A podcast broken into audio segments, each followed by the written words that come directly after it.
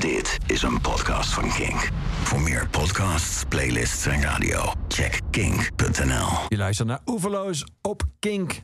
Aflevering 10, je aangeboden door de muziekgieterij. En mijn gast vandaag in Oeverloos is schrijver Helene de Bruyne. We gaan het hebben over haar nieuwe boek De Huisvriend. Helene, van harte welkom. Fijn dat je er bent. Heel fijn. Vanuit? Oostende. Dat was een aardige reis naar Hilversum. Ja, maar het was een idyllische dag, de zon schijnt, dus het viel wel mee. Oh, en ik mag anderhalf uur over mezelf praten, dus... eh. Dat, ma- dat compenseert een lange reis, ja. Ehm, de, de Huisvriend, om daar meteen mee te beginnen, is geen roman. Goh ja, de vorm, de vorm. Welke vorm is het? Het is een verhaal. ja, het is eh, zoals ze dat bij commerciële zenders noemen, een waar gebeurd verhaal.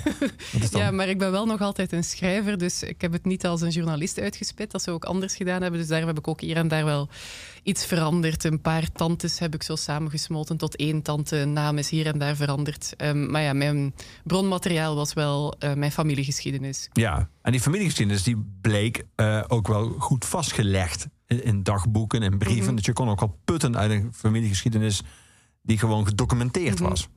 Ja, dat is een groot geluk natuurlijk als je dat in handen krijgt. Het is bijna lastig om er dan niets mee te doen. Was het lastig om er niets mee te doen? Ja, die dagboeken, eh, ik had die al een tijdje hoor. De dagboeken van mijn grootvader, die toch de, de belangrijkste bron waren. Los van verhalen hier en daar die ik dan heb opgevangen. Ehm, die had ik al een tijdje, maar eh, ja, dan toch aan de kant gelegd. Andere dingen geschreven en gedacht, ja, wat moet ik er eigenlijk mee? En dan, toen we verhuisden, haalde ik ze weer boven en begon ik ook zo stukjes voor te lezen aan, aan mijn lief. En nou ja, toen dacht ik van, dit is eigenlijk echt... Dit is fantastisch, hier moet ik iets mee doen. Want het zijn dagboeken uit de jaren zestig. Ja, En eh, ja, die man woont in Rumbeke. Dat is echt een onooglijk gehucht ergens in West-Vlaanderen. En daar is hij stadssecretaris, een tamelijk hoge ambtenaarsfunctie. Maar ja, in zo'n dorp is er eigenlijk niet zo heel veel werk voor hem. Ehm, dus die zit zich meestal te vervelen aan zijn bureau. eh, zich te beklagen over hoe saai zijn leven is, hoe saai het huwelijk is, hoe saai ja, de, de sociale plichtplegingen zijn. En ondertussen doet hij daar eigenlijk niets aan. ja, punt. Ja, dan heb ik het kort even samengevat. Ja. Nu is ehm, jouw eh, grootvader die, die schreef over de geschiedenis, de lokale geschiedenis. En jouw grootmoeder hielp hem daarbij eigenlijk. En die reed hem ook rond. Ja, hij had Eh, geen rijbewijs. Precies. Dus dat moest wel. Eh, maar die was eigenlijk, nou, ik zou bijna zeggen, de, de, de vrouw achter hem. Of hij was misschien de man voor haar, hoe je het maar net wil zien. Eh, en dan is er nog eh, die huisvriend, Mhm. Albert. Die man die eigenlijk, Bertie voor vrienden, eh, die, die alles voor ze rekent. Die alles, in ieder geval alles voor ze betaalt. Die dat faciliteert.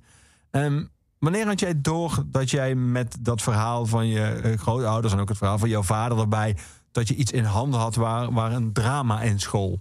Ja, dat is heel geleidelijk gekomen, want ehm, het, viel altijd al wel op als je dan de foto's uit de jaren 60 en 70 vergeleek met foto's van andere families, dat eh, mijn grootouders toch wel heel riant leefden, tripjes naar Parijs en dan zitten ze weer ergens op een schip en dan zitten ze weer ergens in, in het zuiden van Frankrijk en, en een, een feestje met een buikdanseres ineens. Echt foto's die je zo niet ziet in dat klein burgerlijke milieu meestal. Ja. Nu, daar hadden ze dus de huisvriend voor, want die man was bankier en had veel geld en had eh, vrouw nog kind, dus die betaalde dat allemaal.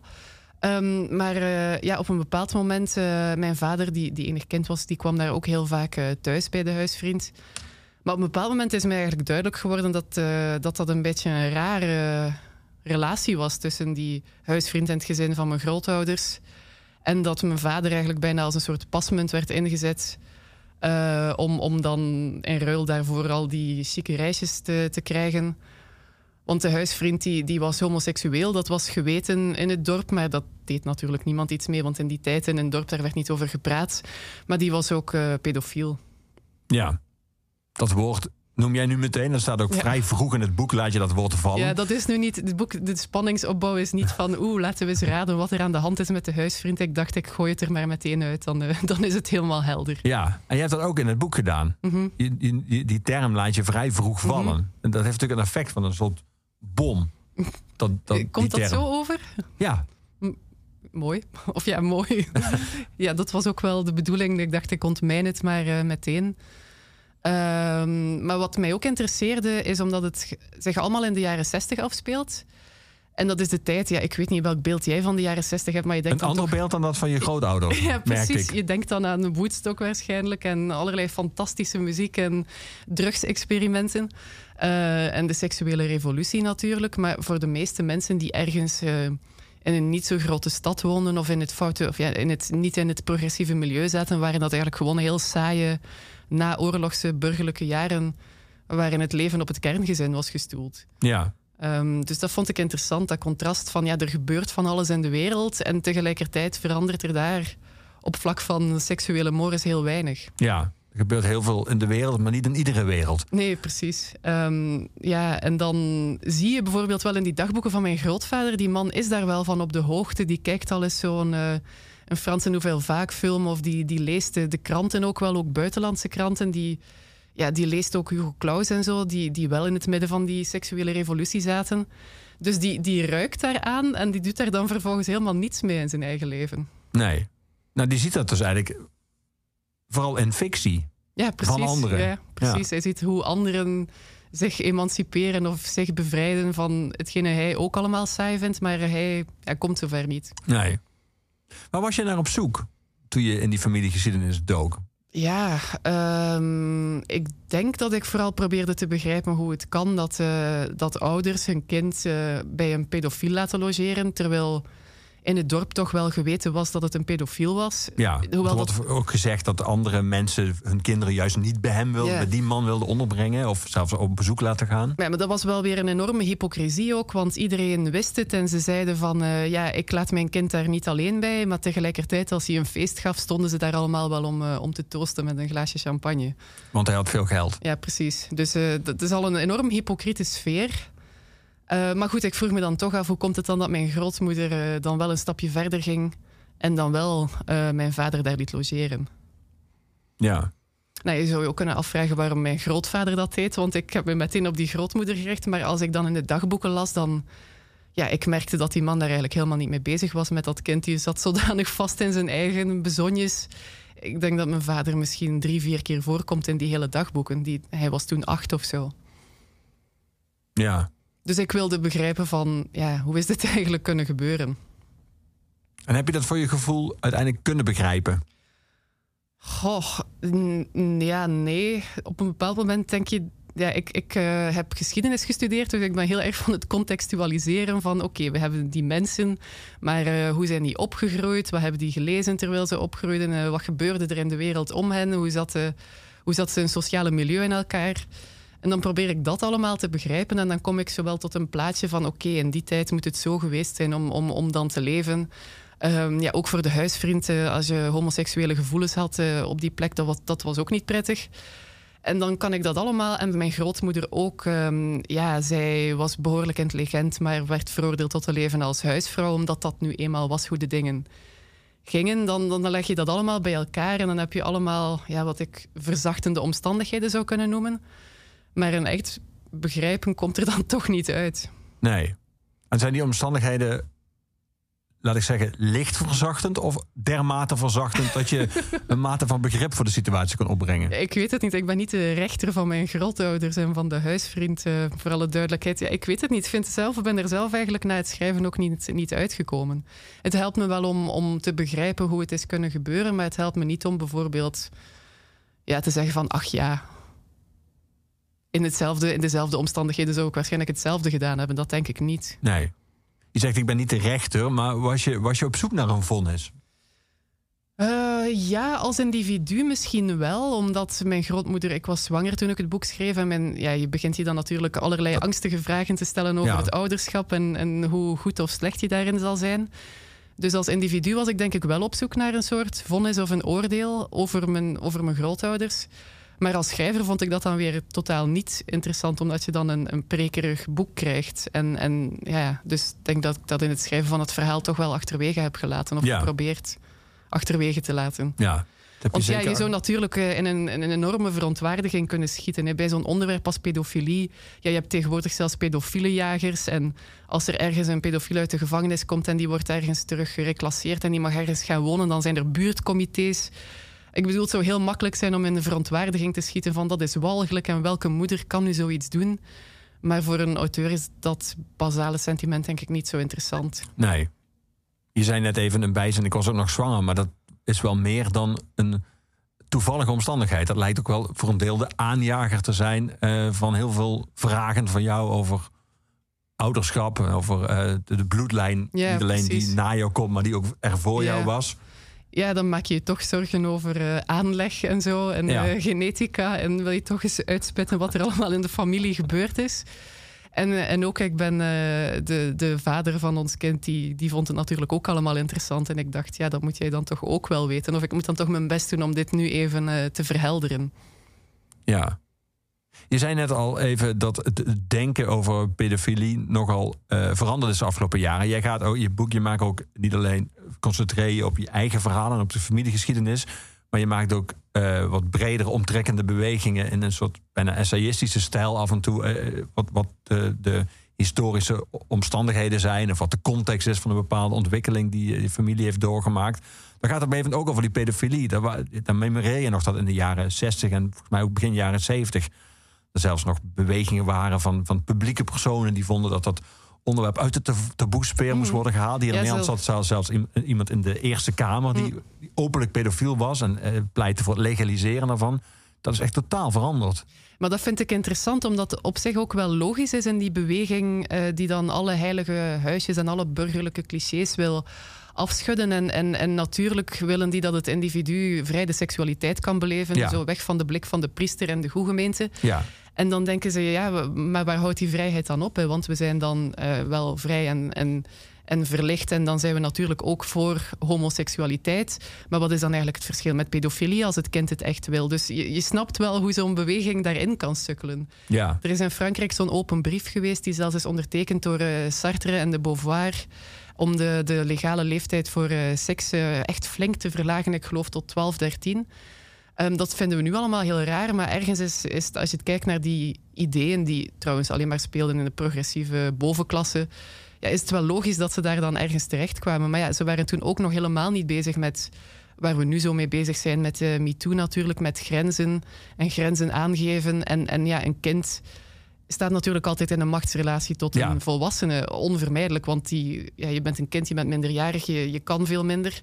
En die volwassene, ja, die, die kan alles in jouw ogen. Ja. Dus ja, daar hadden ze even niet over nagedacht. nee. Als je dat analyseert, waar vind je dat de grootste blinde vlek van die beweging toen zat? Zat hem die in het feit dat ze onderschatten dat in de beleving van een kind, ook als het. Nou, het is natuurlijk eigenlijk altijd zo, maar dat er altijd een machtsverhouding is Mhm. tussen een volwassene en een kind? Of hebben ze onderschat dat er niet alleen dat zij een soort idealistisch beeld hadden van een soort kindervriend die dat ook lichamelijk tot uitdrukking wil brengen en helemaal niet hebben gedacht aan, ja, laat ik even heel cliché zeggen, vieze mannetjes die aan kinderen willen zitten. Dat is een soort van bijna te, te rooskleurig beeld hadden van een pedofiel. Ja, er was zelfs een musical, een Nederlandse musical van een of andere pedofiele vereniging. Die heette Snoepjes. En dat ging over allemaal jolige pedofielen die dan met kinderen in het bos gingen wandelen en blije liedjes zongen. En de kinderen ook blije liedjes op het podium. Dus dat beeld van de, van de goedmenende pedofiel, ja.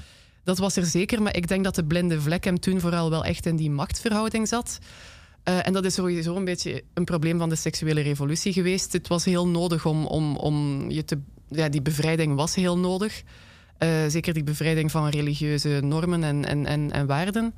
Maar ze hebben niet nagedacht over dat er binnen seksualiteit wel degelijk... eh, ja, dat macht ook een rol speelt. Dat zie je ook bijvoorbeeld heel veel vrouwen die toen geleefd hebben, die, die, die, die getuigen daar achteraf over van ja, eigenlijk de seksuele revolutie was voor ons vrouwen niet zo prettig, want we zaten nog altijd in een systeem dat redelijk patriarchaal was, waarin de man meer geld binnenbracht en meer aanzien had. Dus het was voor ons niet altijd makkelijk om nee te zeggen. Ja. Dus nog los van kinderen zijn ze toen een beetje vergeten om dat hele machtsaspect in de, in de bevrijding mee te nemen, Ja. denk ik. En dan kom je nu waar we nu uitkomen en nu doen we dat dan wel. En eh, ja, is het een soort... eh, allerlei potjes die worden opengetrokken en barst het helemaal los. Ik ben benieuwd waar het eh, heen gaat. ja, hoe zie je dat als historicus? Eh, dat Of we nog niet of, weten waar het... Of kijken jullie alleen maar achteruit? Ja, het is, het is moeilijk om te zeggen waar het gaat eindigen natuurlijk. Het is... ehm, ja, ik denk ook dat er nog een verschil is tussen wat er in de media komt en hoe het in het, eh, in het dagelijks leven eraan toe gaat. En dat, dat er de, de, de meest gemediatiseerde zaken zijn misschien niet representatief voor ja, hoe mensen de seksualiteit ehm, in, in het dagelijkse leven beleven. Dus Mhm. om echt zo'n mentaliteitswijziging breder te zien, denk ik dat het nog wel even zal duren. Ja. We gaan het hebben over jouw boek. We gaan praten over je boek. We gaan ook af en toe muziek draaien, Helene. We gaan ook muziek draaien die jij heel mooi vindt. We gaan beginnen nu bijvoorbeeld met Gillian Welch, The Way It Goes. Eh, waarom deze? Waarom dit nummer? Ehm, mijn eh, lief heeft mij dat nummer gestuurd toen we elkaar nog eh, niet zo lang kenden. Eh, zoals je dat dan doet als je verliefd bent, dan, stuur je, dan laat je elkaar weten wat je goed vindt. En er was zo'n zinnetje in over and everybody's buying little babies clothes. En ik wilde toen op dat moment helemaal geen kinderen. Het leek mij een soort gruwel, het moederschap. Eh, maar ja, toen, toen ik dat zinnetje hoorde, dacht ik van... oh ja, misschien is het met hem toch wel te doen. Was dat ook de bedoeling? Was dat een Nee, dat was niet... Nee, nee, nee, helemaal niet. Helemaal niet. Helemaal niet. Het was geen strategie. Maar het heeft toch iets teweeg gebracht. Ja, het was geen strategie, maar het heeft wel gewerkt. We gaan dan luisteren. Gillian Welch met The Way It Goes.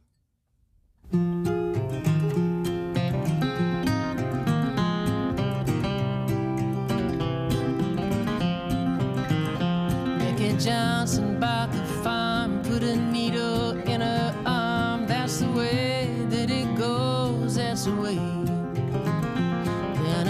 Then her brother laid her down in the cold Kentucky ground. That's the way that it goes, that's the way. That's the way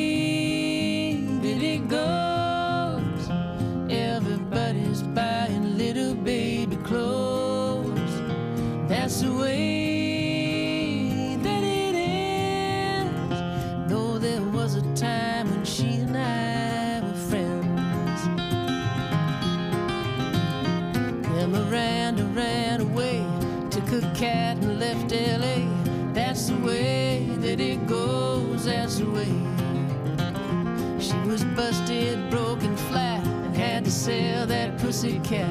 That's the way that it goes, that's the way. That's the way that it goes.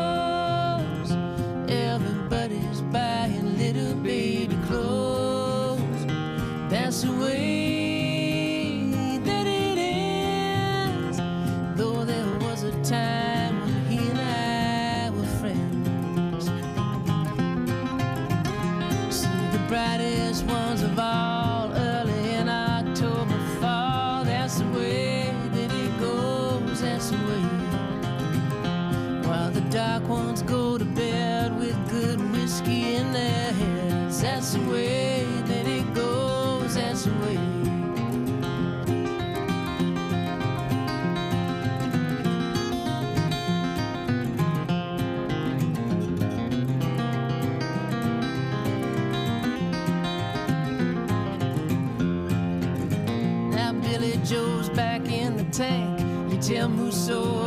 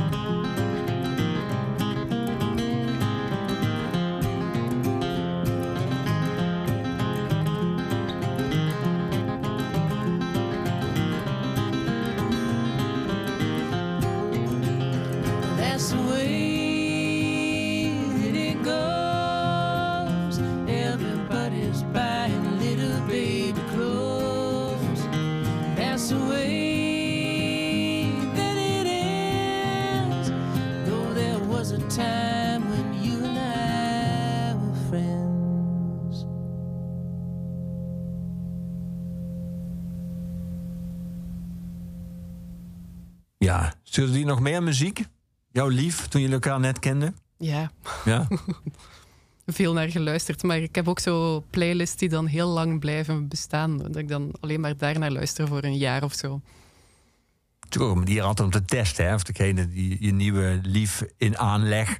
of die wel een beetje dezelfde smaak heeft. Ja, en nog spannender, want hij eh, schrijft ook of je elkaars werk een beetje goed vindt. Want het lijkt me toch heel moeilijk om een langdurige relatie te hebben met iemand die dingen maakt die je echt heel slecht vindt.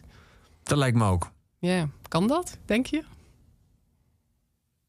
Ik kan, ik kan het mezelf niet voorstellen. Nee. Nou ja, ik vraag iemand- me ook af hoe dat gesprek dan gaat. Dan vraagt diegene neem ik aan over wat vind je ervan? Ga je dan continu liegen? Of ga je de hele tijd... Bijst proberen te sturen? Ja. Ja. nee, lijkt me onmogelijk. Ja. Ik moet aan denken, er is ook een passage in, jouw, eh, in je boek waar je eh, je vader beschrijft, waar je je vader ziet lopen. Eh, en dan loopt hij langs een terras. En dan keken een paar vrouwen van zijn leeftijd zijn kant op met een nieuwsgierige blik die aan begeerte grensde. Eh, en dan schrijf je over je vader, de trouwe zoon van zijn ouders. De op een pathetische af toegewijde echtgenoot. De weinig succesvolle beroepen, beoefenaar van vele beroepen. Mijn vader. Maar je ziet dan ook wat die vrouwen zagen. Een tamelijk lange man van boven de 50 en een goed gesneden wit linnen hemd. Met nog een volle bos grijzend haar, nauwelijks een buikje. Eh, en vervolgens komt er een vrij dodelijke zin. Twee achter elkaar eigenlijk. Meteen ergerde ik me weer aan zijn toewijding. Zijn monomane monogamie vond ik nog, toen nog het bewijs dat hij vol, niet voluit durfde te leven. Ja, dat, dat komt misschien een beetje hard over als je het zo uit zijn context eh, haalt. Ja, ik, ik, die scène, ik was toen zelf net eh, ontsnapt, zeg maar, uit het kleine stadje waar ik ben opgegroeid, waar mijn vader ook is opgegroeid. Ja. En dan zie je zo'n heel ander leven voor je. En dan denk je van, god, wat zitten die mensen toch vast in een, eh, in een, in een saaiheid. Wilde je vooral, eh, was het voor jou dat je vooral weg wilde? Of wilde je vooral datgene wat voor jou gevoel aan de overkant van het hek aan leven mogelijk was? Alles denk ik. Ja, allebei toch wel een beetje. Ehm, ja, vooral weg willen, want het was daar niet zo aangenaam opgroeien. En dan beeld je jezelf ook in dat het aan de overkant fantastisch gaat zijn. En op dat punt, daarom ben ik ook zo ja, arrogant wel toen nog. Het hoort wel wat bij de leeftijd, hoop ik. Eh, maar op dat punt had ik nog niet door dat het aan de overkant vaak ook gewoon stom vervelend is. Ja. En je bent heel genadeloos, toen nog, eh, over, eh, over zijn toewijding. Mhm. Dat zie je eigenlijk als een soort bijna, ik gebruik het woord niet, maar als een soort bijna klein burgerlijke Hmm. Beperking van het leven. Ja, daar, daar ben ik ook wel een beetje op teruggekomen. Maar eh, ja, dat vond ik toen eh, werkelijk onbegrijpelijk. Van hoe kan dit nu? Er verandert nooit iets in je leven. En je bent alsmaar bij dezelfde vrouw. En, en wat doe je eigenlijk? Ehm, maar ja, ook daar ben ik nu al wat eh, milder op gaan kijken. Ja. Op, op- ja, naar gaan kijken. In die zin was het boek ook wel prettig om te schrijven, omdat ik, ja. Eh, Mijn vader vond het denk ik een beetje spannend dat ik dit boek zou gaan schrijven, Dat omdat hij er ook ja. ehm, ja, nogal prominent in, in voorkomt. Maar ik merk wel dat over de hele lijn dat hij er toch best goed uitkomt. Dat, men, dat ik toch een zekere mildheid voor hem kan opbrengen. ja. Zie je hem als slachtoffer? Ja, ik vind dat zo'n eh, zwaar beladen term. Ik denk dat hij dat zelf mag zeggen of hij een slachtoffer is of niet. Het is niet ik heb ook geen traumaverhaal willen vertellen van iemand die in zijn jeugd misbruikt is en eh, welke gevolgen hij daarvan draagt en zo. Dat is niet echt waar ik als schrijver goed in ben, denk ik. Ehm, en bovendien vind ik dat dat dan zijn verhaal is. Dat ik geen trauma's moet gaan openvroeten waar, waar er ogenschijnlijk geen zijn. Of misschien wel zijn, maar goed weggestopt. Want bijvoorbeeld mijn, iemand van mijn generatie die zo'n, zoiets zou meegemaakt hebben in, in zijn jeugd, zou waarschijnlijk eh, bij de psycholoog zitten. Mijn vader is nooit naar een psycholoog of psychiater geweest. Dat, ja, in dat milieu, in die tijd, dat, dat, deden, dat deden ze gewoon niet. En eh, ja, er zal wel van alles borrelen onder de oppervlakte, maar het leven is wel leefbaar. Ja. Waarmee dat ik nu niet pleit van je moet wel of je moet niet naar de psycholoog gaan. Ik stel gewoon vast dat, dat er ook op die manier een, een leven valt te leiden. Ja. Natuurlijk wel een interessante vraag, want wij leven zijn in een tijdperk waar je, je geacht wordt over je gevoelens te praten. Mhm. Maar ook het idee eraan vasthangt dat als je dat niet doet, dat je uiteindelijk vastloopt. Mhm. Terwijl de meeste mensen die ik ken die bij een psycholoog lopen, en er zijn er vrij veel, lopen na een aantal jaren nog steeds bij een psycholoog. Is ook niet dat het, dat het dan eindigt of zo, of dat er een eindpunt is. Ja, alsof de psycholoog eh, zichzelf in stand houdt. Zou het? nee, misschien sommige zeer kwaadaardige psychologen, maar de meeste zullen vast wel gewoon hun best doen. Maar eh, ja.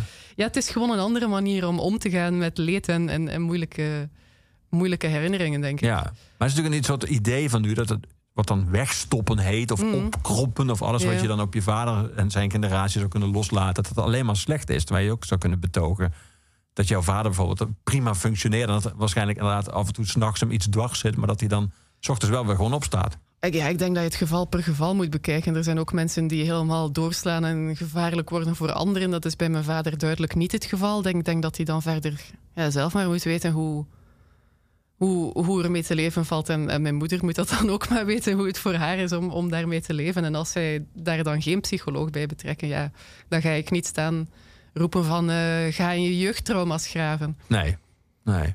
als hij daar geen zin in heeft. Nou ja, maar ik vind het wel lastig hoor, want eh, ik heb zelf ook een, een, een, een nogal weerstand tegen de, de psychiatrie.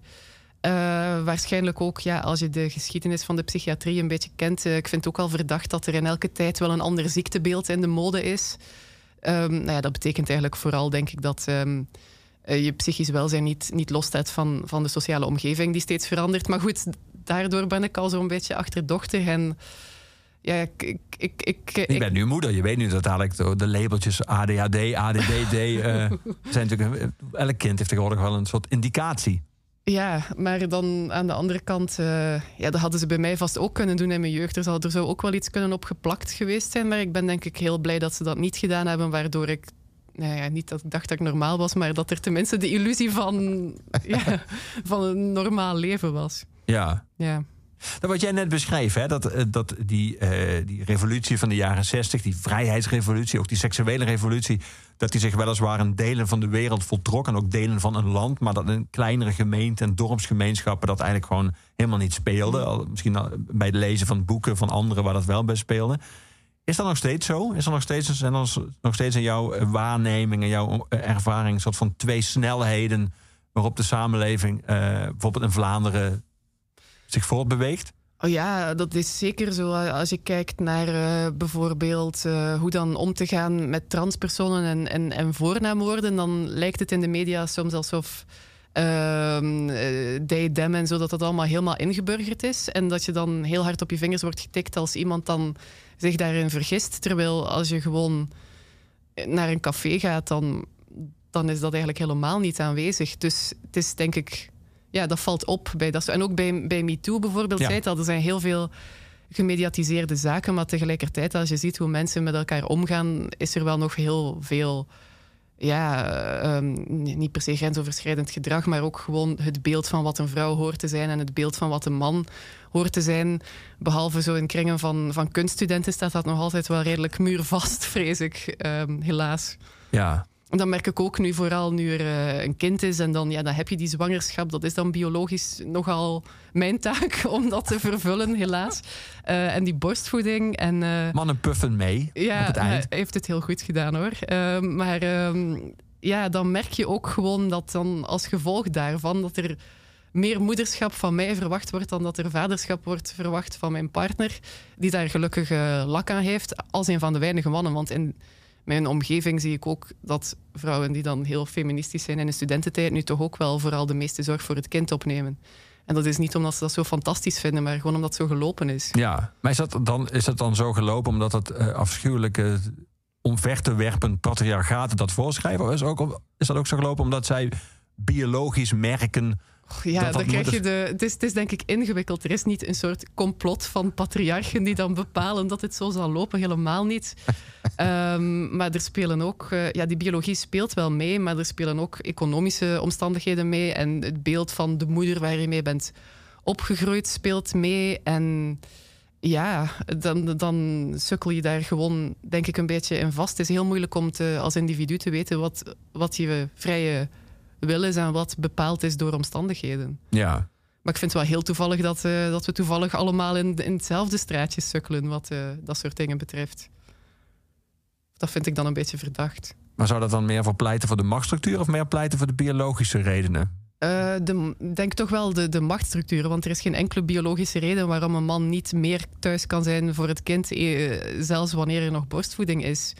Eh, moet hij dan echt al na een week weer aan het werk? Hij zou ook gewoon thuis kunnen blijven en, en koken. Ja, Pakweg. zoals in sommige Scandinavische landen waar Ja, het anders geregeld ja. is. Waar je een soort ouderschapsverlof waar je dat samen verdeelt. Ja, precies. En ook daar zie je dan dat mannen dan nog eh, daar zo min mogelijk van proberen op te nemen. Om, omdat het dan toch. nou, maar ja, het is, het is daar al veel. In vergelijking met Nederland en België is het een utopie hoor. Maar zelfs daar zijn ze nog. Maar ja, het doet er ook geloof ik niet zoveel toe ehm, hoe we zouden zijn als al die economische en sociale omstandigheden perfect zouden zijn. Want ze zijn nou eenmaal. Ja, ze, en, maar het is meer van ehm, het feit dat het een meer gewaardeerd wordt dan het andere is een probleem. Eh, dat, dat zorg niet als arbeid gezien wordt. Eh, dat er toch een beetje wordt op neergekeken als iets, ja, iets kleins en saais. En met je kind aan de speeltuin. En goh, ja, Karel Ove Knausgaard heeft daar wel een boek over geschreven. Maar verder hoort dat toch vooral bij de vrouwenliteratuur. Ik denk ja, dat gewoon de, de status daarvan opgewaardeerd zou moeten worden. En wie het dan doet, doet er dan voor mij niet zoveel toe. Moet die status opgewaardeerd worden of zou de status van betaald werk om- eh, omlaag gewaardeerd moeten worden? Ja, dat zeker ook, ja. Maar ja, in dit klimaat met huizen die heel duur zijn en zo, je voelt het, het hangt allemaal samen. Het is heel moeilijk om eraan te ontsnappen. Ja. Maar dat zeker ook, ja. Want eh, ja, onze werk is nu echt wel onze identiteit en dat is toch ook een gek ding. Na al deze vrolijke woorden, zullen we een vrolijk nummer draaien, Leen? Ja, het patriarchaat Waiting Around to Die. Ja. van Towns van Zandt. Waarom, waarom deze? Ja, het is zo'n eh, een, een, een, een enigszins eh, zwart romantisch nummer waar ik graag naar luister. We gaan naar hem luisteren. Towns van Zandt.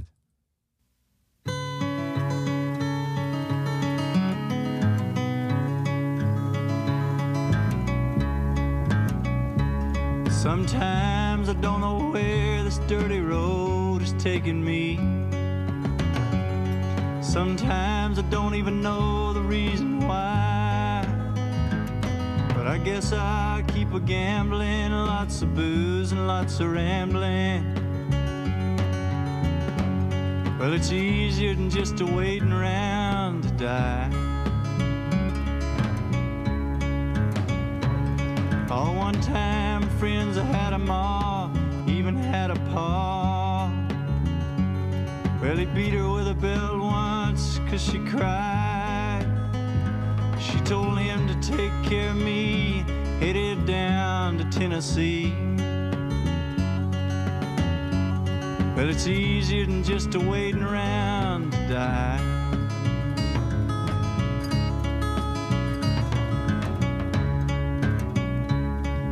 I came of age and I found a girl in a Tuscaloosa bar. Oh, she cleaned me out and hit it on the slide.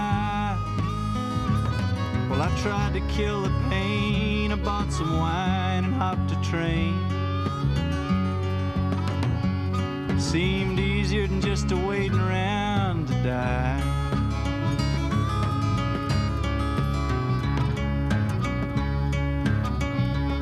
Then a friend said he knew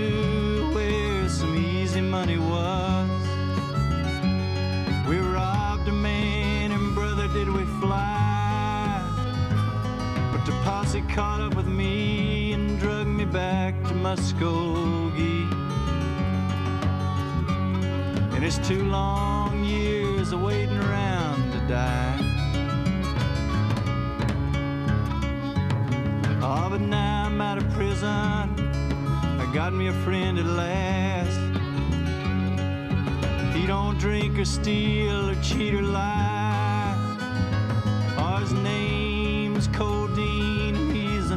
Nicest thing I've seen. Well, together we're gonna wait around and die. Yeah, together we're gonna wait around die. Helene, je had het zojuist over eh, dat samenvallen van eh, datgene wat je doet met wie je bent, of hoe andere mensen je zien, wie je voor andere mensen bent. Je schrijft op een gegeven moment eh, in je boek: De laatste twee jaar deed mijn grootvader weinig meer dan schuifelen, van zijn bed naar zijn sofa en terug. Sinds hij, sinds hij door geknapte aderen en beide oogzenuwen bijna blind was, kon niets hem er nog toe bewegen zijn gestreepte pyjama uit te trekken. zijn werkkamer verstofte. Bibberig wachtte hij op het einde, zijn doodsangst onvoldoende verdoofd door een dagelijks cocktail bloedverdunners, cholesterolverlagers en minstens tien glazen Pignon Vin Blanc. Soms zette mijn grootmoeder Wagner op en dan zwaaide hij nog eens met zijn armen. In die tijd studeerde ik in Gent en ging ik niet meer vaak langs. En nu komt de zin die, waar ik eh, iets over wilde vragen. Zijn landerigheid vond ik typisch voor een ouderwetse patriarch die ten onder gaat wanneer zijn enige identiteit, zijn werk, zijn eigen waarde hem is afgenomen. Ehm, is dat typisch iets voor mannen, denk jij? Dat je werk je eigen waarde en identiteit bepaalt? Of is dat iets wat gewoon in onze samenleving heel erg aan de hand is?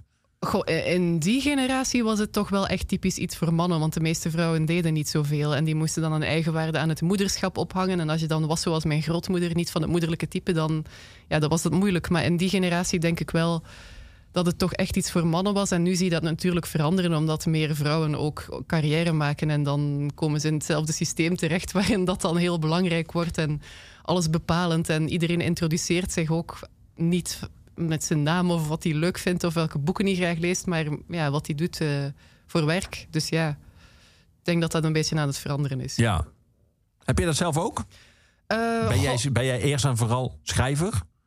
Ja, dat denk ik wel. Ik doe natuurlijk van alle andere dingen om, om rond te kunnen komen. Want het schrijverschap in de lage landen is nu niet een carrière om heel rijk van te worden, tenzij je een bestseller bent. Uh, maar ik denk dat dat meer een, een, een, een ingesteldheid is bij mij dan, dan een carrière. Want ik ben ook niet bezig met, of toch, ik probeer toch zo weinig mogelijk bezig te zijn met uh, zelfpromotie en netwerken. En uh, daar heb ik eigenlijk helemaal niet zoveel zin in. Dus dan kak je gewoon een boek uit en hoop je dat het goed terecht komt. Ja. Dus ik, ik denk dat ik dat wel redelijk goed kan scheiden, maar, maar ik weet het niet hoor. Ik weet niet hoe ik zou zijn als ik nu eens een, een, jaar helemaal niets op papier zou zetten. Misschien ben ik dan ook wel knorrig en landerig en denk, drink ik de hele dag Picon van Blanc en kom ik mijn pyjama niet uit. Nog niet geprobeerd. Nee. Ik probeer me dat voor te stellen, hoe dat zou zijn als je niet meer kan doen wat je, zoals jouw grootvader in dit geval. Uh, hij schreef natuurlijk wel, Vond jij wat sommige van die fragmenten gebruiken in je boek? Wat vond je van, van hem als schrijver? Ja, uh, verschrikkelijk. We hebben daar nog zo mee zitten lachen. Ik heb ook zo in het boek een lijst opgenomen met uh, al zijn titels. Die was zo'n lokaal historicus en die hield zich dan bezig met um, Napoleon in Roeselaar. Dan is Napoleon zo eens één keer op een of andere veldtocht in een herberg in Roeselaar één dag geweest. Schrijft mijn grootvader daar een onleesbaar boek over. Um, Mozart in Rumbeke. Want Mozart is ooit eens één keer op bezoek geweest bij de gravin, et cetera. En uh, varkens en varkenshouders in de 16e eeuw in Rumbeke. Dus elk, elk aspect van de lokale geschiedenis waar je maar iets van vond in de archieven, wilde die man dan gaan uitspitten. Maar ja, dat is allemaal zo onleesbaar. Het is bijna grappig. Maar is het onleesbaar omdat hij gewoon niet zo'n goede pen had? Of is het onderwerp waarschijnlijk gewoon te dun om een heel boek over te kunnen maken? Ja, het is die, gek, die want... ene dag van Napoleon. ja, ik heb altijd gedacht uh, dat hij gewoon een hele slechte schrijver was. Maar toen kreeg ik die dagboeken onder ogen. En toen dacht ik, ja, ja je hebt het ook gelezen. Die man Ja. kan best wel schrijven. Zeker.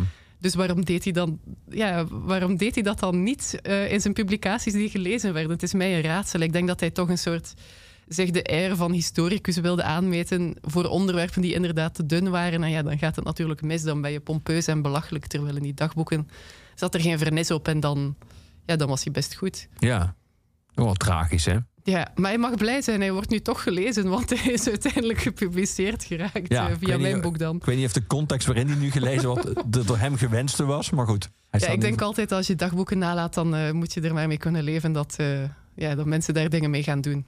Heb jij dagboeken die je nee, wel notitieschriftjes waar ik liever niet in terugkijk.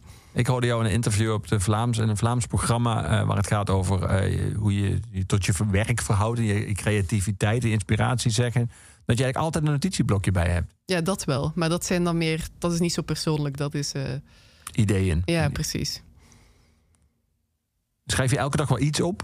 Ja, ik moet wel. Ik heb een eh, wekelijkse column. Dus, dus schrijven is zo een beetje eh, verweven geraakt met mijn dagelijkse bezigheden. En dat kan bijna niet anders. En dat vind ik ook wel prettig. Zo blijf je die blik wel houden, ook als je niet aan iets groters aan het werken bent. Ja. Ik hoorde je overigens in datzelfde interview ook zeggen dat je, in ieder geval, dat je van jezelf vindt dat je een korte eh, attentiespannen hebt. Hm. Nu kan ik me bij een boek als dit, als De Huisvriend, voorstellen dat je daar wel lange tijd mee bezig bent geweest. Niet alleen om alles te lezen en een soort van ook in je hoofd op een rij te krijgen en vervolgens ook nog te structureren en eh, literaire vorm te geven, dat, dat, daar heb je toch wel enige tijdspannen van nodig. ja, zeker. Ja, dat, het is denk ik eh, twee jaar of zo, twee jaar en een half heeft het eh, geduurd voor het af was. Maar het past wel perfect bij iemand met een korte aandachtspannen. Want de ene dag zat ik dan dagboeken te lezen en dan zat ik eh, passages te onderstrepen en dan die in elkaar te puzzelen. En die essayistische passages, dat is weer een heel andere manier Ja. van werken. Dus het was wel een heel afwisselend schrijfproces. Ja. Vond je het moeilijk om te bepalen hoe je te werk ging? Je had natuurlijk je vader kunnen interviewen. Je had heel veel fictie kunnen toevoegen. Of, eh, of helemaal niks kunnen samenvoegen. Zoals je in het begin zei, je met sommige personages hebt gedaan. Was, het, was, dat, was dat even zoeken? Of had je vrij snel door hoe je dit verhaal wilde vertellen?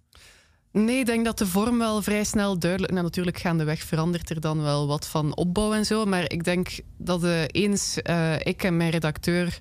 Altijd nuttig, een goede redacteur... ehm door hadden dat de, de ik-persoon gewoon geloofwaardig moet zijn... en de rode draad moet zijn, dan, dan was de vorm eigenlijk duidelijk. Dan komt er een enorme vrijheid. Want alles wat de ik-persoon ziet, leest of denkt... is dan het verhaal. Ja, Eh, ja. fijn hè? Ja. Dan heb je die draad alvast. Ja, precies. Dan kan het eigenlijk niet meer misgaan. Zo makkelijk schrijven. Die, al die zorgen die de ik-persoon heeft over het eh, aankomende moederschap... bleken niet terecht? Ehm, nee, niet echt eigenlijk. Ehm, nou ja, ik had eh, wel een uitstekende partner uitgekozen. Dat helpt ook wel. want ik, ik ben ook niet meteen van het moederlijke type, denk ik. Ik had ook nooit iets met kinderen, maar hij, hij is daar denk ik beter in dan ik. En, en hij is ook niet te beroerd om wel echt, wel echt de helft van de zorg op zich te nemen. Dus dat maakt het heel makkelijk. En ook... ehm, ja, ik was in het begin nog bang. Ik maakte zo grapjes van... Ja, ik heb eigenlijk niks met baby's. Als ik hem maar niets vind, dan moet jij het maar doen tot hij, tot hij praat. Maar eh, ja, dat was er eigenlijk meteen wel. Want, want hij praatte meteen. Maar gewoon een, genie- een geniegebaard. Nee, nee, ik, die hoe als je, als, je, als je niet vanuit... Sommige mensen hebben dat, eh, en ja, vooral vrouwen, die ik ken in ieder geval... en het ligt er misschien naar mij, maar die eh soort van altijd al moederlijke gevoelens hebben had gehad. ik niet. Nee, nee, maar dat is mijn vraag ook. Als je dat niet hebt, eh, verandert dat dan op het moment dat die baby van jezelf... of heb je eigenlijk nog steeds niks met baby's, behalve dan die van jullie? Ja, het is net... Baby's zijn net mensen. Hè. Sommige, de meeste zijn strontvervelend. En hier en daar zit er een leuke tussen. Dus wat dat betreft is er niet zoveel veranderd. Ehm, maar ja, met die... Ik schrijf er ook in het boek over dat ik zo'n soort obsessie had... eh, om, dat ik echt een bevalling wilde waarin alle... eh, natuurlijke hormonale processen, processen in gang konden gaan. Want ik had mezelf wijsgemaakt dat ik anders nooit een band met het kind zou krijgen. Dat is natuurlijk niet waar. Ook vrouwen die een keizersnede krijgen, ontwikkelen een band met een kind. Maar goed, ik ben een controlefreak en ik had het in mijn hoofd gestoken dat ik het eh, zo wilde. En zo is het ook gegaan. Dus of het Ja. nu de hormonen zijn of iets anders, maar die, die band was er wel meteen. Ja, klinkt ook wel... Je schrijft het al de- zo vast besloten, maar zo zeg je nu nog steeds... dat er niet echt een andere optie was dan deze. Nee, zo voelde het wel. Ook omdat mijn grootmoeder, eh, ja, die bevalling in die tijd, in de jaren 50, dat was in een ziekenhuis met een arts die daar letterlijk met de sigaar stond. En die mannen staan dan zo een beetje over je heen eh, te praten en over politiek te praten, terwijl jij dan, dat er met een zuignap aan je gesleurd wordt. Bij mijn andere grootmoeder is er zelfs een non op haar buik gaan zitten om het kind eruit te duwen. Ehm, en ik kan me wel voorstellen dat als je zo'n bevalling hebt die zo weinig intiem en privé is, dat je dan toch aanvankelijk denkt van... wat de fuck is dit mormel hier? Dat je zo vervreemd bent. Dus dat was mijn grote schrikbeeld. Ehm, dus ja, het voelde alsof er maar één optie was... en dat was om het anders te doen. Ja. Ik heb, ik, zit, ik heb dat beeld nog in mijn hoofd van een man met een sigaar... die daar on- onwaarschijnlijk... Ja, ja, ja. En dat ze dan... Ja, het is gek. Die, die, die stonden echt gewoon boven haar te praten. Dan voel je je toch ook maar een, een vat voor dat kind. Laten we even muziek draaien. Moet er even van bekomen. We gaan naar Jacques Brel. Eh, waarom deze? Ja, ik, ik vind Jacques Brel sowieso fantastisch. En, en deze ehm, vat zo wel een beetje de sfeer van mijn boek, denk ik. Zo'n landerige zomeravond onder notabelen die allemaal maar staan te doen alsof ze elkaar leuk vinden. Ja, we gaan naar luisteren. Ja, Jacques Brel.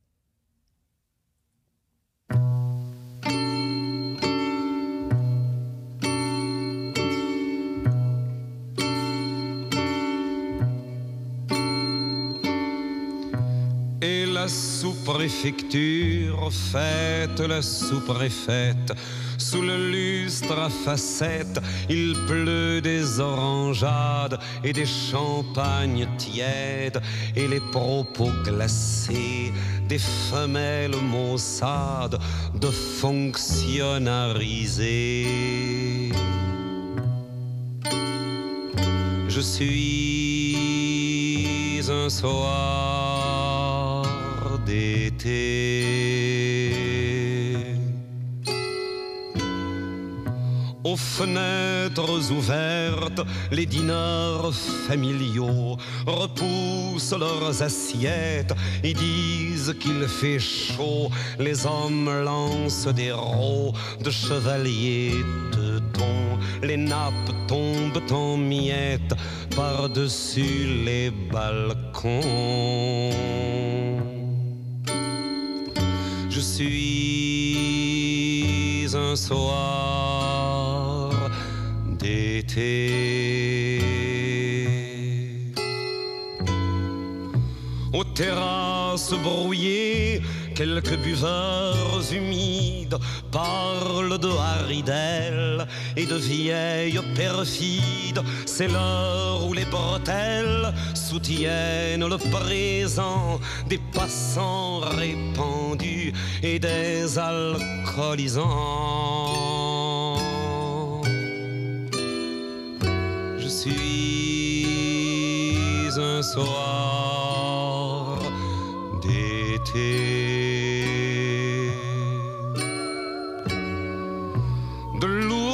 Amoureuses aux odeurs de cuisine promènent leur poitrine sur les flancs de la Meuse.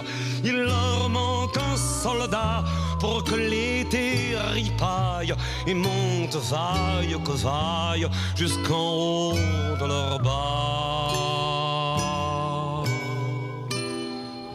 Je suis un soir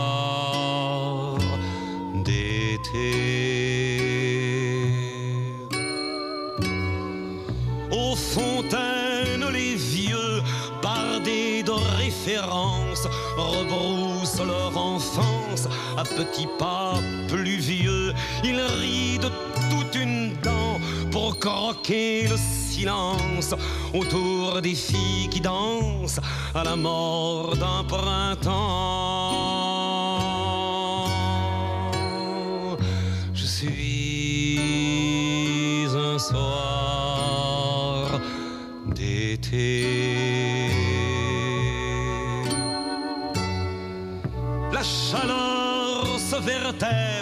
Il fleuve des ivresses, l'été a ses grands-messes et la nuit les célèbre. La ville aux quatre vents clignote leur mort, inutile et passant de n'être pas un port.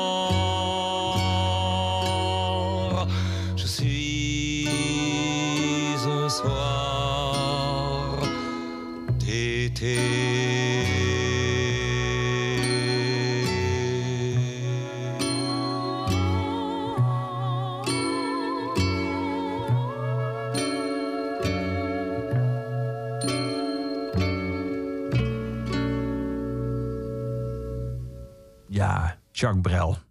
Uitgekozen omdat hij zo mooi past bij de sfeer van het boek. Je schrijft ergens, eh, Helene... Dagenlang zitten mijn lief en ik nu al te zwelgen...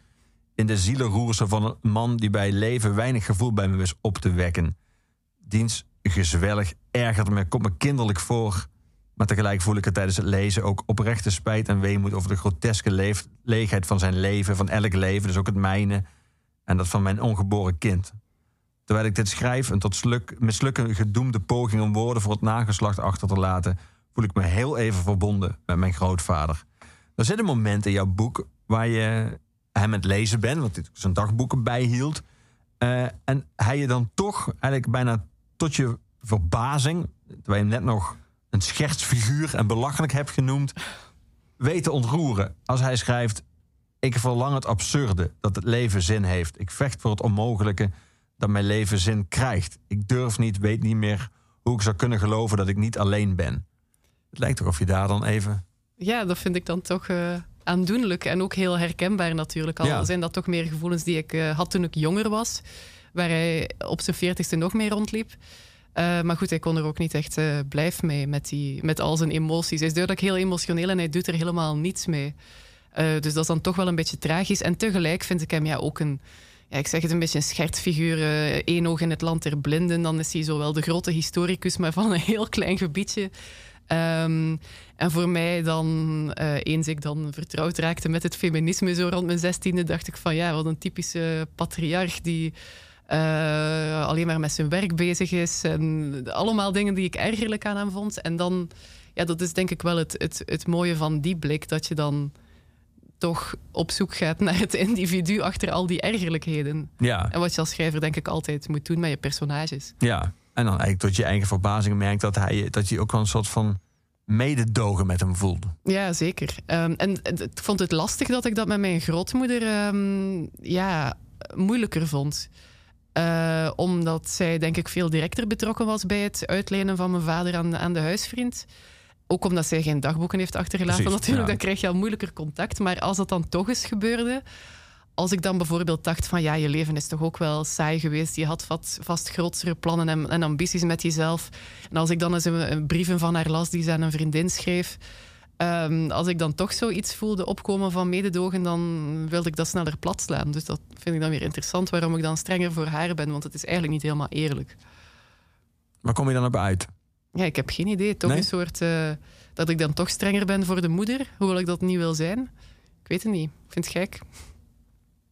Is misschien ook, wa- wa- wa- want hoe bezie je haar? Is zij, is zij eh, vooral het slachtoffer van hem? Of is zij eigenlijk eh, is zij wat tegenwoordig een golddigger zou heten? Want ze, ze leeft natuurlijk een leven eigenlijk boven haar stand.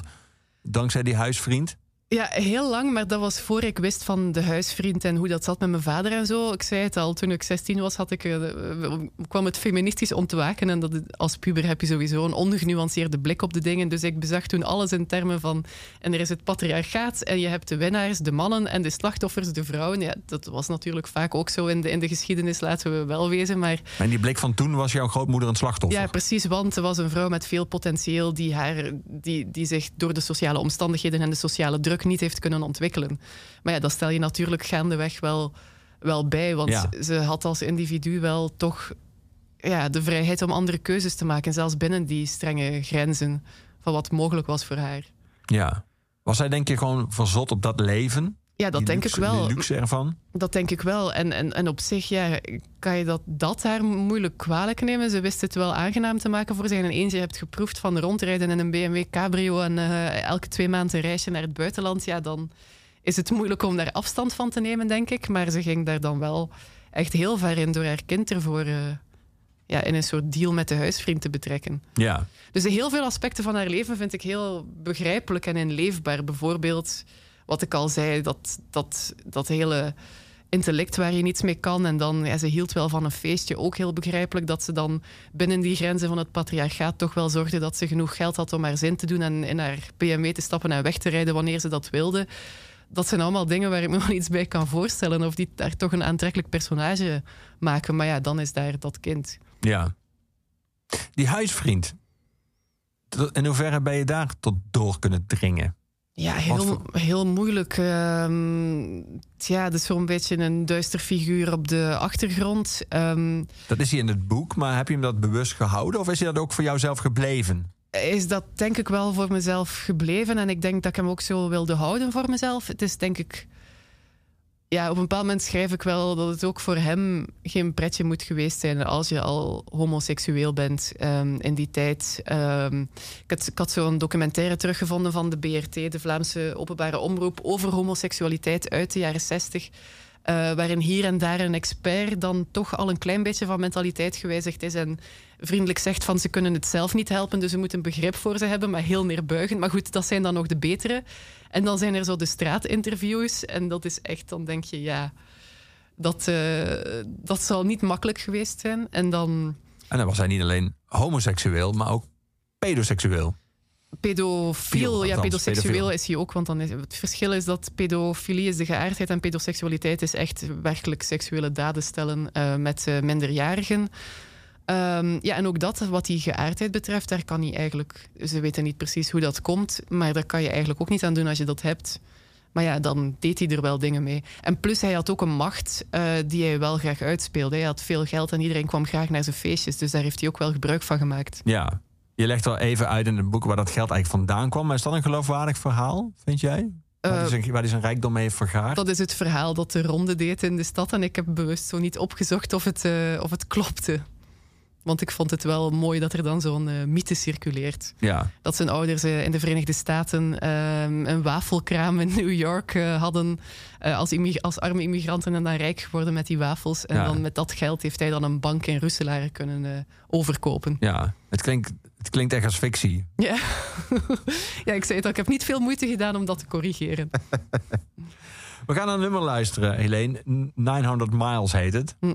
Wie, hoe komt dit nummer in jouw leven? Kun je er iets over vertellen? Eh, ja, ik, het is, het is, ik, mijn, mijn lief is heel goed in het af en toe vinden van een nogal onbekend nummer. En, en, Hij stuurt jou nog steeds af en toe nummers? ja, het hoeft niet meer gemaild te worden, want we wonen in hetzelfde huis. Maar af en toe vindt hij toch wel iets dat ik dan eh, fantastisch vind en de hele tijd eh, beluister. Ja. En dit was er één van. Ja, en verder weet ik eigenlijk niets over. Terry. nee, jij Terry wel? Callier. Nee, ik ken hem ook niet. Laten we gewoon naar hem gaan luisteren.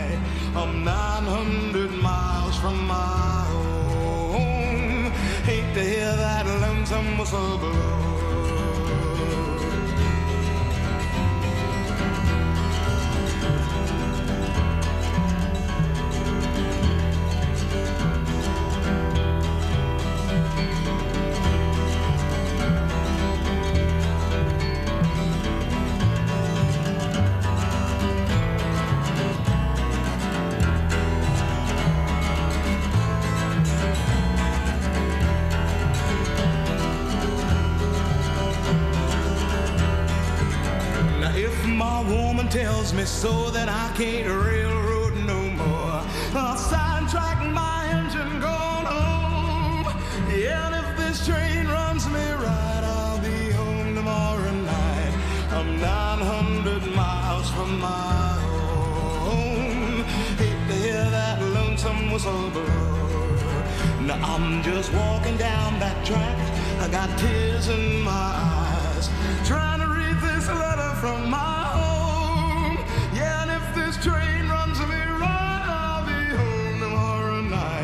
I'm 900 miles from my home. Hate to hear that lonesome whistle blow.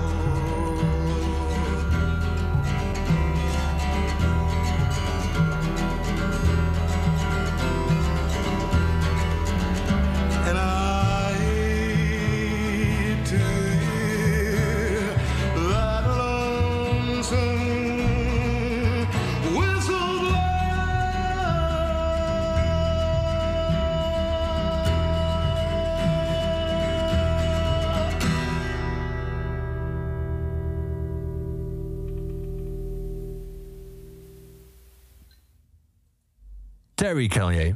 Voor ons allebei een onbekende, maar wel een mooi nummer. Ja, zeker. Is dat eh, de verdeling bij jullie thuis? Dat er Ah. muziek op staat en dat jij af en toe geacht wordt ineens nieuws te luisteren wat jouw lief heeft ontdekt? Of heb jij bij jezelf iemand die heel veel op zoek gaat naar nieuwe muziek? Ja, dat, dat gaat zo in fases. Eh, er is zo'n tijdje dat ik dat heel vaak deed. En nu zit ik zo te teren op mijn muziekbibliotheek van mijn leven of zo. Ik weet niet of je het herkenbaar vindt, maar dat er dan zo fases zijn in je leven dat er eigenlijk weinig nieuws bij kan. Eh, of misschien ligt het aan mij, ik weet het niet. Is dat een fase, denk je? Of is het nu gewoon. Of is het omdat ik oud ben geworden? Nou, misschien is het gewoon nu op. Met, is dit gewoon dan die bibliotheek voor altijd. en, en ga je vooral op zoek naar dingen die lijken op dingen die je al kent. Dat zie je natuurlijk ook vaak Ja, dat zie je heel vaak gebeuren. Ja, ik hoop dat dat eh, niet zo is, want dan word je zo'n, eh, zo iemand die voor eeuwig blijft hangen in de muziek van zijn jeugd. Ja, Maar ja, en alle nalopers daarvan. precies. We zien wel hoe het evolueert. Ik hou je op de hoogte. Ben je nog een, ben je een concertganger überhaupt? Oh, nee, niet echt eigenlijk. Eh, ik, ik zit eigenlijk liever thuis te luisteren. Eh, ja, heel vaak valt het ook tegen om dan iets live te zien. Of ze moeten toch al heel goed zijn, of ze moeten al een uitzonderlijk goede dag hebben. Of vaak is het geluid niet goed, of zit er iemand naast mij die, eh, Praat. die, ja, die vervelend is. Ehm, dus nee, ik vind het eigenlijk fijner om thuis te luisteren. Ja. Je hebt nogthans in Gent gewoond, dat toch de legendarische Vooruit ligt ja, onder meer. Ja, mooi gebouw. Ik zat vaker in het café dan in de concertzaal. Ja. Je merkt op een gegeven moment iets op eh, in, eh, in je boek over eh, de vrijzinnige filosofen die in de jaren 60 en 1962 precies zijn een jeugd voor de muur stelden hoe droevig het was gesteld met het seksuele probleem van jonge Vlamingen. Mhm. Seks was vooral angst. Angst voor ziekte, angst voor straf, zonde, zwangerschap, abortus en God. Ehm je schrijft dan ook iets verder. de filosofen concludeerden dat er ontzettend veel seksuele hongerleiders waren. En dat het benepen klimaat in Vlaanderen mensen diep ongelukkig maakte. En vervolgens schrijf je: Mijn grootvader was één van hen. Je hebt zelf eh, een podcast gemaakt die uiteindelijk ook heeft geleid eh, tot, tot een boek, Vuile Lakens, een hedendaagse visie op seksualiteit. Is jouw conclusie dat dat eh, daarna zeer verbeterd is?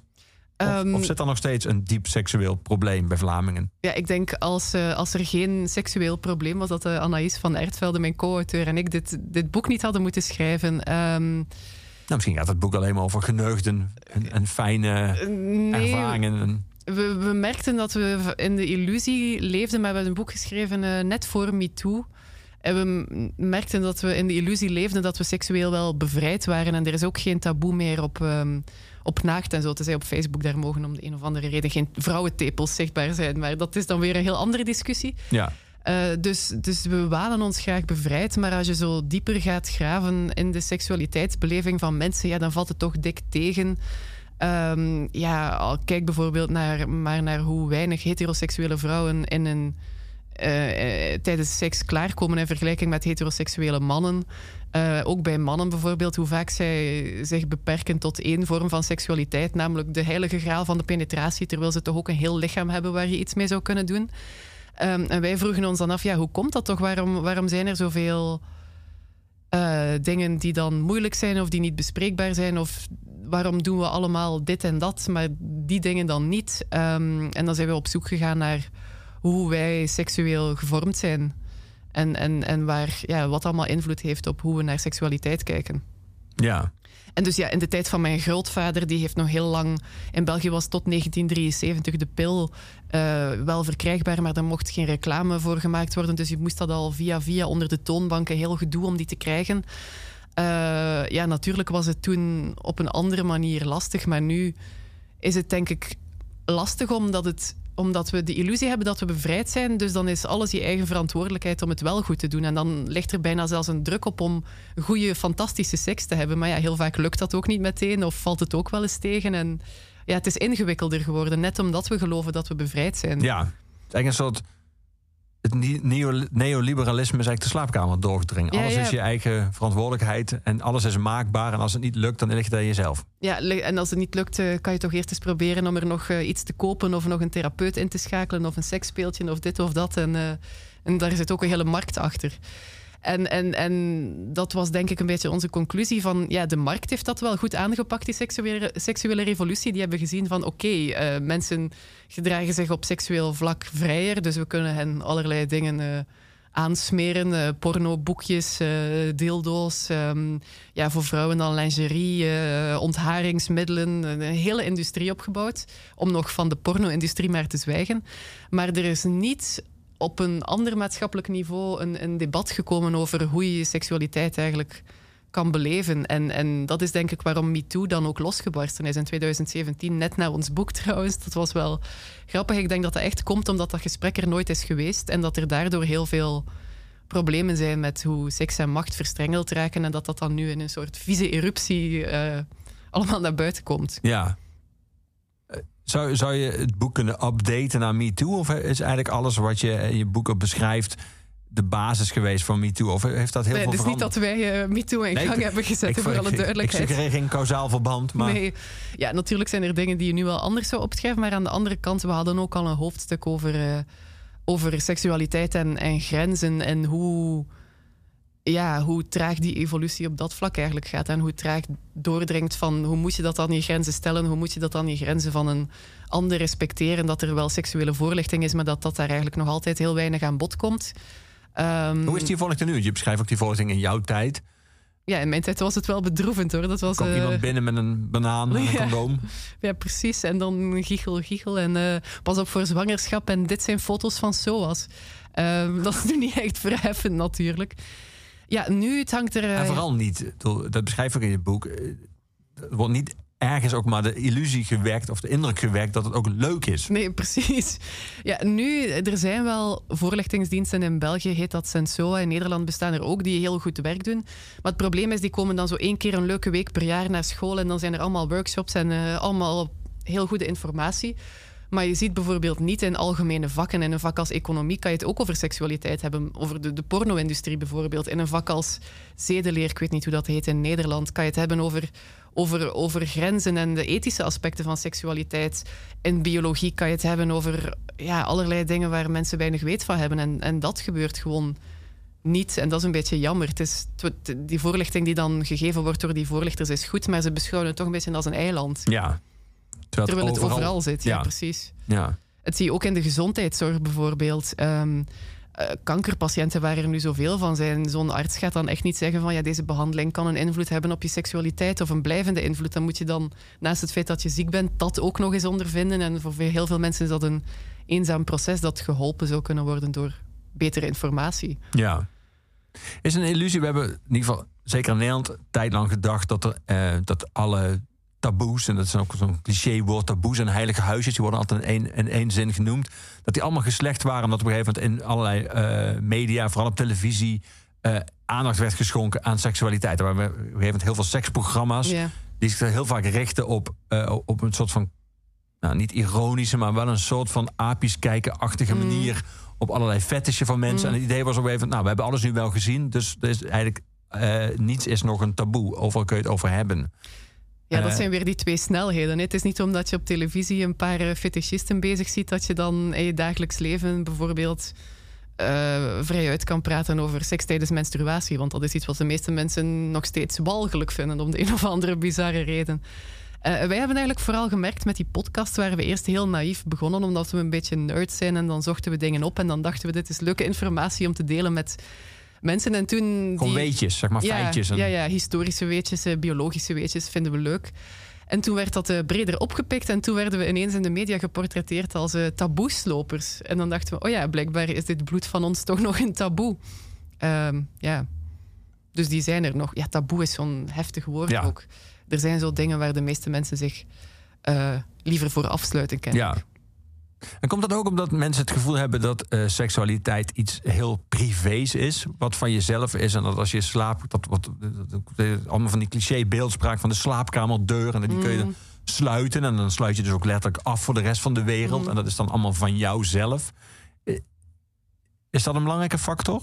Ja, ja, dat hoor je heel vaak. hè, van ja, maar dat is toch privé? Waarom zou ik dat daarover praten? Maar ja, de notie van privé eh, vind ik op zich wel interessant. Want hoe bepalen we wat privé is en, en wat niet? Als het dan gaat over wat we dan aan de algoritmes laten zien. We laten onze hele ziel zien aan de algoritmes gewoon door op dingen te klikken.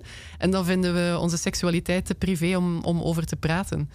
En, en je ziet ook dat dat begrip van privé doorheen de tijd wel verandert. Vroeger bijvoorbeeld was het heel normaal, niet in de bovenklasse natuurlijk, maar was het heel normaal dat eh, kinderen en ouders en verschillende generaties in één kamer sliepen. Dus dan zal er ook wel eens een kind eh, wakker geworden zijn van, van seksgeluiden. En dat was toen niet zo'n ding als nu. Dus je ziet dat daar wel verschuiving in mogelijk is. En ik snap natuurlijk ook wel dat privéaspect, ehm, omdat je altijd, tenzij het gaat over zelfbevrediging, maar dat je altijd wel van doen hebt met een ander. En dat je niet weet hoe die erin staat, maar je, kan, je hoeft, om over jouw ervaring te praten, hoef je niet over die ander te praten per se. Dus ja, het is gek. Ja. Is het dat of is het ook vooral dat mensen bang zijn voor een oordeel van een buitenwereld? Ja, maar mensen iets- zijn heel vaak bang voor een oordeel van de buitenwereld. Maar ik kan me voorstellen bij seksualiteit nog dat dat oordeel dan een soort van nog heftiger aanvoelt. Of dat dat misschien meer afwijzing in zich meebrengt voor je gevoel. Ja, gek hè? Ja. Ik weet ook niet hoe dat precies werkt. Ja, Ehm, ja omdat er toch nog een soort associatie met eh, iets vies is, denk ik. Heel onbewust, want we krijgen nu wel aangeleerd dat het natuurlijk is en niet vies, maar toch hangt dat er nog een beetje rond. Zeker als het dan gaat over eh, vrouwelijke vochten. Eh, ja, er is ook een hele industrie rond, daar hebben we ook over geschreven. Allerlei middelen om dan toch maar te zorgen dat je niet ruikt dat er, eh, dat er daar beneden een leven is. Eh, dus we worden toch nog steeds geacht om dat weg te houden. Dat, ja. En het heeft ook te denken. was een tijd geleden natuurlijk nog zelfs in reclames voor maandverband dat er een blauwe vloeistof op het maandverband werd. Sommigen nog steeds, nu Ja. hier en Ja, daar zie dat. eh, nu, ja, dat is natuurlijk ook gewoon een marketingdruk, want feminisme, of dan een soort mainstream populair feminisme, is nog nooit zo groot geweest als nu. Dus die bedrijven pikken dat ook op. Die hebben panelgroepen en die denken van, ah, de meisjes van nu willen. Dus dat is ook commercieel, hè? maar enfin, het is beter dan, dan blauw bloed. Ehm, maar wat was ik aan het, aan het zeggen? Oh ja, ehm, natuurlijk ook gewoon die hele westerse dichotomie van lichaam en, en, en geest die, die, die, die in de kerk gegroeid is. ehm, in de vroege middeleeuwen, dat, dat, dat helpt er. Ja, de Grieken hadden er eigenlijk ook al last van. Dat helpt natuurlijk niet. Hè. Je denkt dat je met je denken boven je lichamelijkheid staat, maar ja, dat is natuurlijk niet zo. Waar ging jouw case ook alweer over op jou tijdens je opleiding geschiedenis? Mijn, eh, mijn thesis Ja. ging over een eh 13e eeuwse nooit heilig verklaarde heilige uit Luik, eh, de heilige Odilia. Ehm, ja, tamelijk obscuur. Dat is een beetje iets dat mijn grootvader geschreven zou Precies, daar moest ik aan denken toen ik... Ja. Ja, nee, zo gaat dat dan in de opleiding geschiedenis. Ehm, maar het was wel interessant, omdat eh, als je aan heiligen denkt, dan denk je zo aan de heiligen die we allemaal kennen en die dan in kerken waar kaarsjes voor gebrand worden en die door de paus heilig verklaard zijn. Maar er werden ook heel veel ehm, heiligen ja, toen in de middeleeuwen eh, die dan plaatselijk wel aanbeden werden omdat iemand dan visioenen had of zo gezegd kon genezen of zo. Dan werd dat zo'n beetje een lokale cultus. En dan, als er dan een priester was die wat Latijn kon, dan schreef hij zo'n heiligenleven in de hoop dat dat dan tot bij de paus zou raken. En dat die dan ook gecanoniseerd zou worden. Maar ja, de meeste daarvan zijn, zijn in de vergetelheid geraakt en zijn nooit officieel gecanoniseerd. Wat een beetje de loserheiligen. Ja, het was eigenlijk een soort open uitnodiging richting de paus. Ja, maar ja, je kan maar proberen natuurlijk. Die, die... En het interessante was ook dat mijn heilige een eh, vrouw was. En dat dat voor haar wel een manier was om aan het huwelijk te ontsnappen, denk ik. En om toch een soort van inkomen en aanzien te krijgen. Die visioenen zullen wel allemaal niet echt geweest zijn. Nou, je weet het niet. Wie het kan wel religieuze waan geweest zijn. Maar dan had ze zowel die priesters nodig om haar zaken te doen. Dus toch Ja, ook ja. een beetje een moeilijke relatie. Ja. We gaan muziek draaien, Helene. We gaan luisteren naar Je suis malade. Waarom deze? Zo voel ik me soms. Het is een ongelooflijke kitsch-slager, maar eh, hoe werkt dat dan? Als je, als je je zo voelt, ga je dan ook extra, ga je dat dan ook maar meteen in zwelgen en dan deze muziek ook draaien? ja, soms wel, ja. Soms helpt dat. Nou, het helpt eigenlijk niet, maar het is gewoon lekker dan. Ja, precies.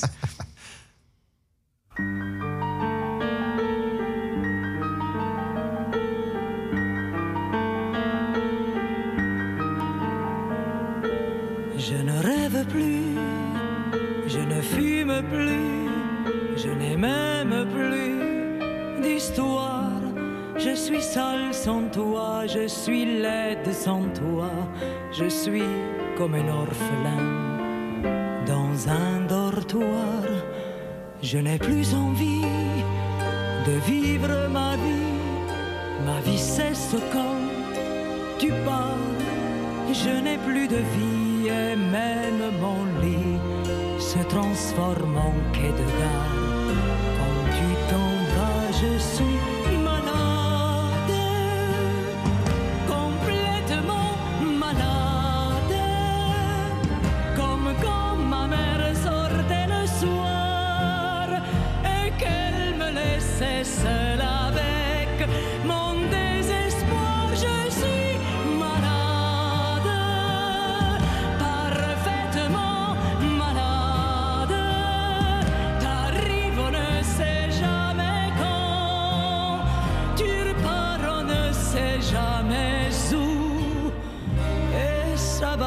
bientôt deux ans que tu t'en fous.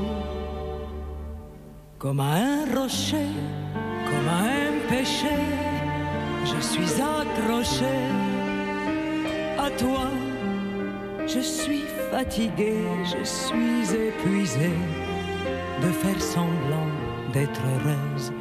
Quand ils sont là, je bois toutes les nuits, mais tous les whisky, pour moi, ont le même goût.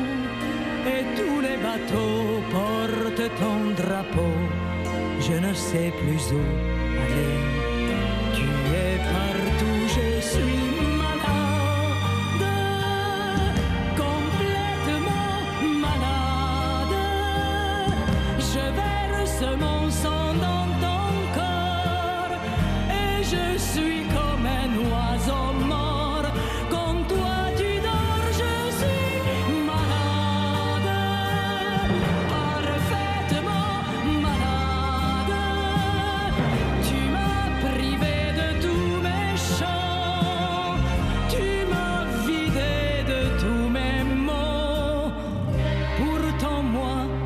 du talent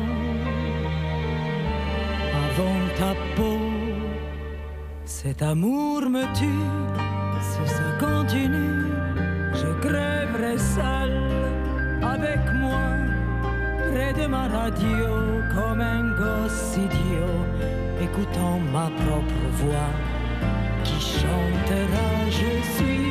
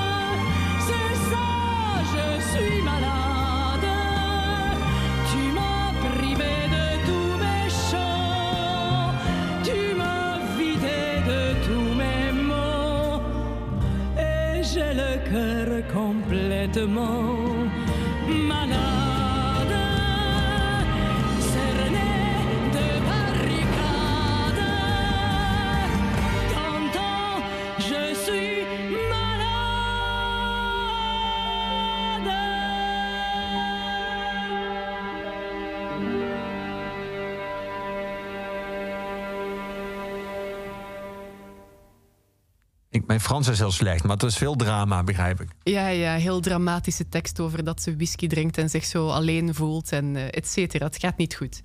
Ehm, maar Dalida vind ik wel leuk, omdat ik eh, opgroeide als tiener in zo de vroege jaren nul. En de vrouwen die toen zo populair waren, eh, waar we ons dan moesten aan spiegelen, zo de Paris Hiltons en Britney Spearsen van deze wereld, ja, dat was echt om droevig van te worden. Dat was echt zo'n ideaalbeeld om eh, ergens in een hoekje van te gaan Ja. huilen. Echt een vreselijke tijd was dat ook, zo de naveltruitjes en zo. Eh, je herinnert, je herinnert het je waarschijnlijk nog wel.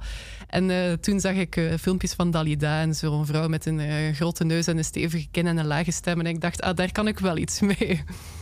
Ja, dus overigens met veel van die vrouwen uit die tijd... die toen rolmodellen geacht werden te zijn... ook niet echt heel goed afgelopen. Ook wel weer waar. Maar ja, het, het was een. eh, het was een eh, ik heb eigenlijk eh, onlangs nog eens een column geschreven over eh, Paris, Paris Hilton, omdat ik mij ineens realiseerde van dat het toen zo'n genadeloze tijd was. De pers was echt heel seksistisch. Die vrouwen werden. eh, er kwamen dan allerlei sekstapes de hele tijd. En die vrouwen werden daar echt genadeloos op afgerekend. En die mannen dat helemaal niet. Dus ja. Ja, bij Pamela Anderson was dat natuurlijk al het geval... toen met Tommy Lee. Ja, en ook met, ehm, wie had er? Oh ja, eh, Monica Lewinsky, dat was wel geen sekstape, maar zij kreeg alle schuld en Bill is er dan toch wel goed van afgekomen. Ja, Dus de tijden zijn toch wel een beetje aan het veranderen, realiseerde ik me toen ik aan Paris Hilton moest denken. ja. Die was Paris Hilton wel ook degene die aan de basis stond van die programma's. Ik weet niet of die in Vlaanderen ook inmiddels bekend zijn of ge- gekend. Maar in Nederland hebben we best wel veel programma's gehad en nu nog steeds. Waarin hele rijke mensen dan een maand doen als ze heel arm Oh ja, zijn. En ja, vreselijk is dat. Ja, vreselijk is dat. Ja, Dat was echt, zij ook al destijds. ja, echt een vreselijke tijd was dat. Daar Ja. zijn we nog steeds van aan het bijkomen met z'n allen. Ben je blij, ehm, ben je blij Helene, dat je dit boek hebt geschreven in deze fase ook? Want jouw zwangerschap tijdens het onderzoek speelt een belangrijke rol. Er zitten een paar cruciale scènes eh, die daarover gaan. Eh, maar je schrijft even ook dat je bang bent voor de erfzonde. Bang dat ik meer op mijn grootmoeder lijk dan ik durf toe te geven. Is het in die zin eh, een goed moment geweest om dit onderzoek, wat van deel natuurlijk ook een zelfonderzoek is, te doen voor je moeder werd? Ja, ja, dat denk ik wel. Eh, het is toch een moment dat, dat, dat, dat ik me sowieso veel vragen aan het stellen was, omdat alles gaat veranderen en niets wordt. Het is een cliché. Er, het is moeilijk om over kinderen te praten eh, buiten de clichés, heb ik al gemerkt. Maar ja, niets wordt meer hetzelfde. Dus dan was het een moment om ook wel naar de lelijkste kanten van mijn familiegeschiedenis te kijken. Dat ging voor mij wel goed samen met datgene wat dan mooi moet zijn of de mooie verwachtingen. Ja. Dacht ik van, dan gaan we ineens ook in de duisternis duiken. Dan heb ik dat gehad. Ja. Ja. En, en, en ik vond het ook belangrijk om, om er op dat moment. Ja, je voelt wel de neiging om je een beetje terug te trekken en, en, en, en een soort idyllisch beeld van de toekomst op te hangen, omdat het anders beangstigend is. Maar ik denk dat ik als een soort tegengewicht net, net naar wat eng en moeilijk is wilde gaan kijken. Ja. Nou, dat is gelukt. Ja, dat is wel gelukt, ja. En eh, ja, ik denk dat ik, er, dat ik er nu ook wel een beetje klaar mee ben met dit familieverhaal. Het ligt er... eh, mijn zoon mag het later lezen of niet lezen als hij geen zin heeft. En eh, ja, Ja. En nu? Wat is het nieuwe verhaal? Is er al een nieuw verhaal? Een paar eh, mogelijkheden, eh, maar, maar nog niet, niet echt iets concreets. Het is trouwens eerst aan mijn lief om te schrijven, want eh, zo gaat dat. Als je een kind hebt en twee schrijvers hebt, dan heeft hij even alles opzij moeten zetten terwijl ik aan het schrijven was en nu is het zijn beurt. Maar ik heb wel een paar losse ideeën, verschillende mogelijkheden van vormen ook. Maar ik merk wel dat mijn obsessie, ik denk dat ieder schrijver wel zo'n thema heeft waar, waar die niet van loskomt toch is van ja, sociale normen en hoe die menselijk gedrag bepalen. Eh, dus dat zal er wel weer mee in zitten. Ja. Is jouw eh, lief een snelle schrijver? Een heel trage schrijver. Oh, daarmee heb jij dus nog een tijdje te gaan voor je kan beginnen. Maar dat vind ik wel bewonderenswaardig, want ik ben dan weer een heel snelle schrijver. Ik, eh, ik, ik, ik gooi het eruit en dan... Nee, ik denk natuurlijk ook wel na hoor, maar ik ben echt heel snel en, en hij kan dan... Het is ook een dichter natuurlijk. Hij kan dan heel lang op zo één, één zinnetje lopen kouwen. Het is, het is een heel andere manier van werken. Ja. Nou, daar heb jij dan nu maar even op te wachten. Ja, precies. Dankjewel dat je was vandaag. Dank om uit te nodigen. De Huisvriend ligt in de boekhandel, is uitgegeven door de Bezige Bij. Oeverloos werd je aangeboden door de muziekgieterij, het grenzeloze muziekpodium. Het laatste woord van iedere Oeverloos is aan onze postuum huisdichter Luc de Vos, ook uit Gent. Het laatste nummer is dus van Gorky. Hier is Gorky met Ik kan nooit meer naar huis.